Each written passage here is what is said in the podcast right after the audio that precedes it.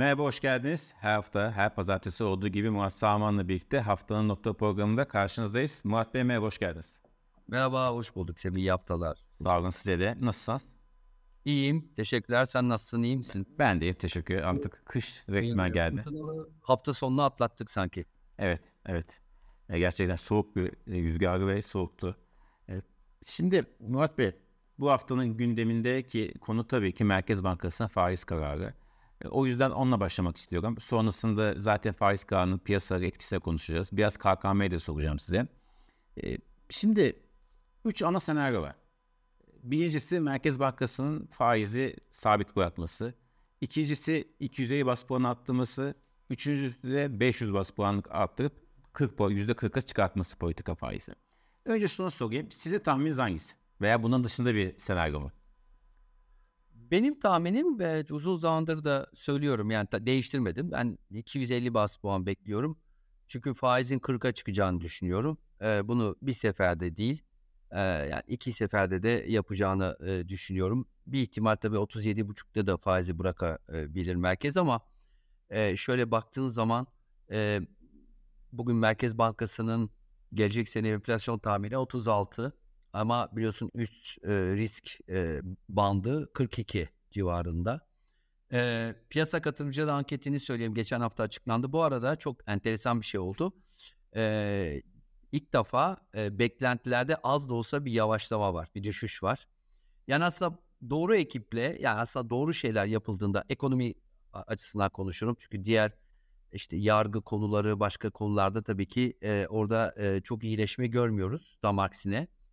Ee, şey konusunda e, mesela bu sene 68'den 67.23 gelecek sene beklenti 45.28'den e, 43.94'e özellikle gelecek sene hani bir puan üstünde bir tahminde bir iniş var. E, yaklaşık 70 e, katılımcı var. Bu çok önemli bir gösterge. Yani e, beklenti zaten enflasyon ne diyoruz? Enflasyonun düşmesi önce beklentilerin aşağı gelmesi lazım. Çok hafif beklentilerde bir düzelme var ama tabii ki yetmez. IMF 46'larda şu anda e, bek, e, yani geç, gelecek sene beklentisi piyasada işte 44 civarında. Merkez Bankası e, 42. Yani baktığınız yani üst banttan bahsediyorum. 36 bence e, düşük kalacak. E, yani 40'ın altında bir enflasyon e, gelecek sene e, beklemiyorum. Yani ben, bekleyen de yoktur zaten e, eminim. E, böylece ne yapmak lazım? Beklentiye göre bir faiz politikası belirleyeceksek bu faizin minimum bak minimum diyorum 40 olması lazım. Ha üstüne de gidebilir. Ee, onun için ben e, 250 yapıp ondan sonra 250 daha yapacağını düşünüyorum Merkez Bankası. Peki mesela sabit bıraktı diyelim senaryo olarak.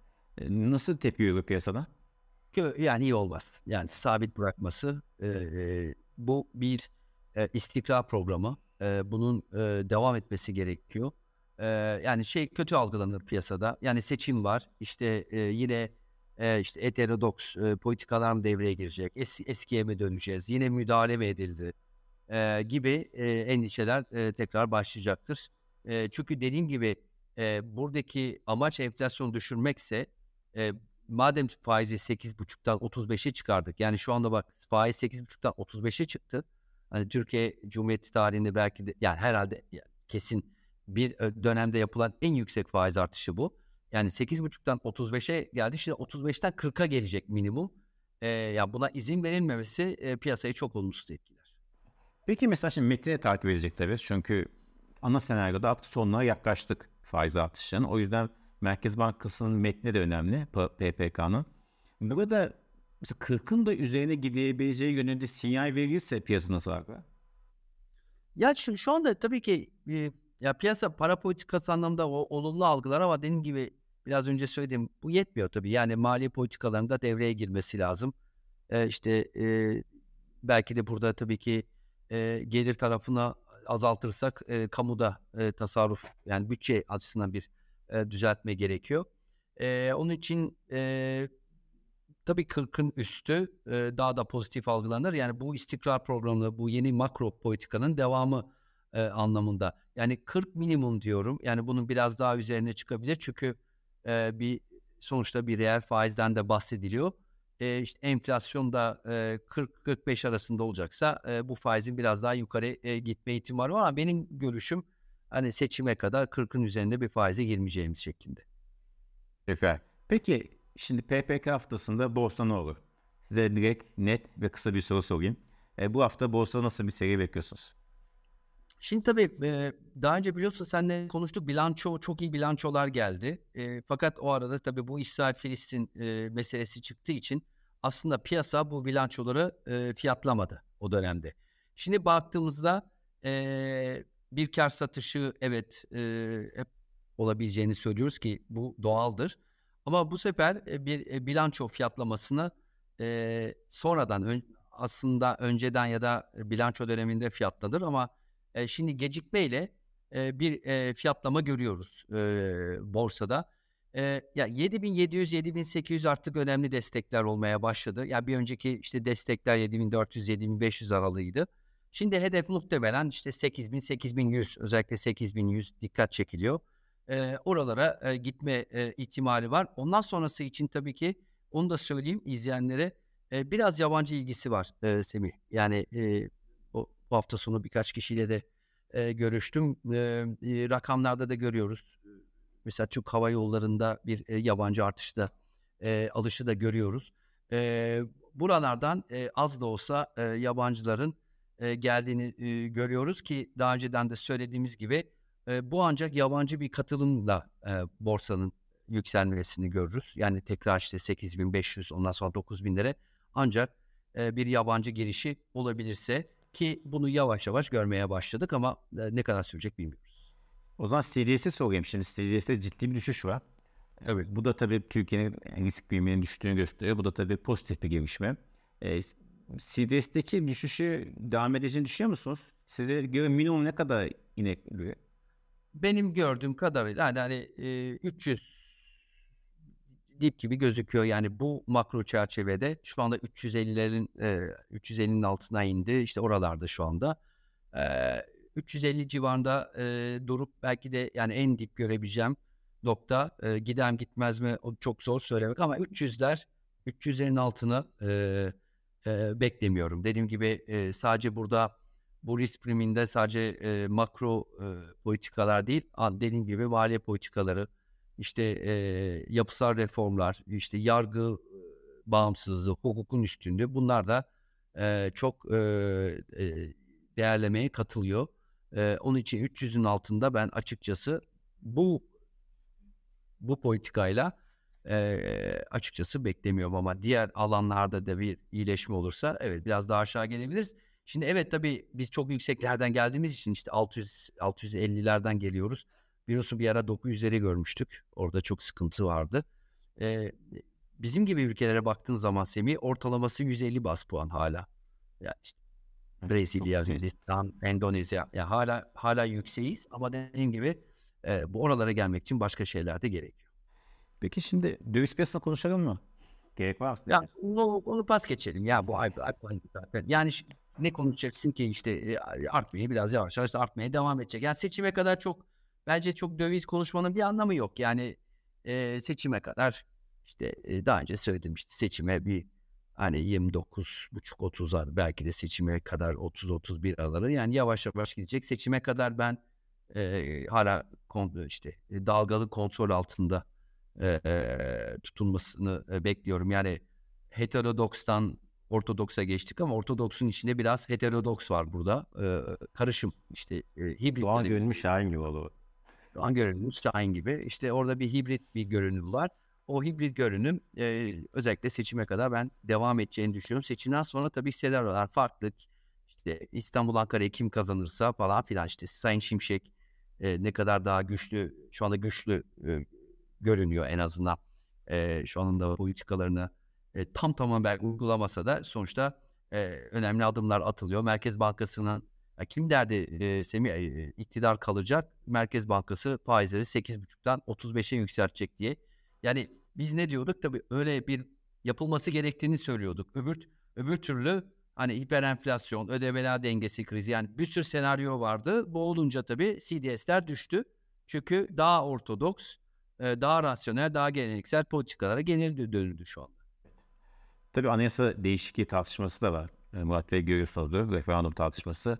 Onun da e, iyice bir ne diyeyim gündeme gelmesi ihtimalinde tabii ekonomik senaryoda değişecektir. Çünkü o da yeni bir sandık demek. Muhtemelen yerel Evet, seçimden sonra. Yani şey diyorduk ya biliyorsun seçimden sonra seçim yok. Rahat Öyle bir şey yok.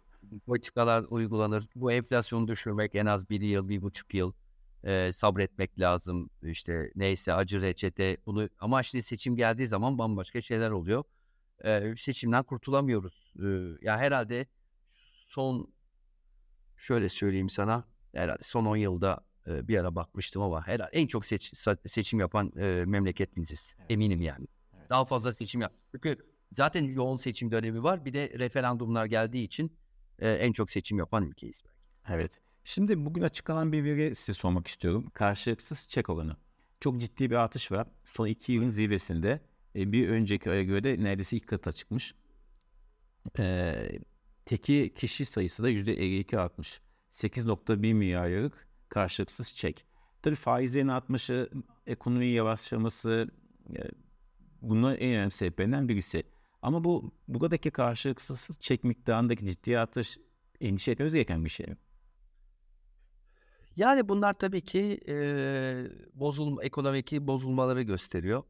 E, tabii ki endişe e, edilmemiz gereken bir durum ve maalesef bu devam edebilir. E, yani ekonomide özellikle yavaşlama e, dönemine girersek ki seçimden sonra girme ihtimalimiz var. E, enflasyonun istikrar programı olduğu için. E, maliyetler yükseldi, e, enflasyon var.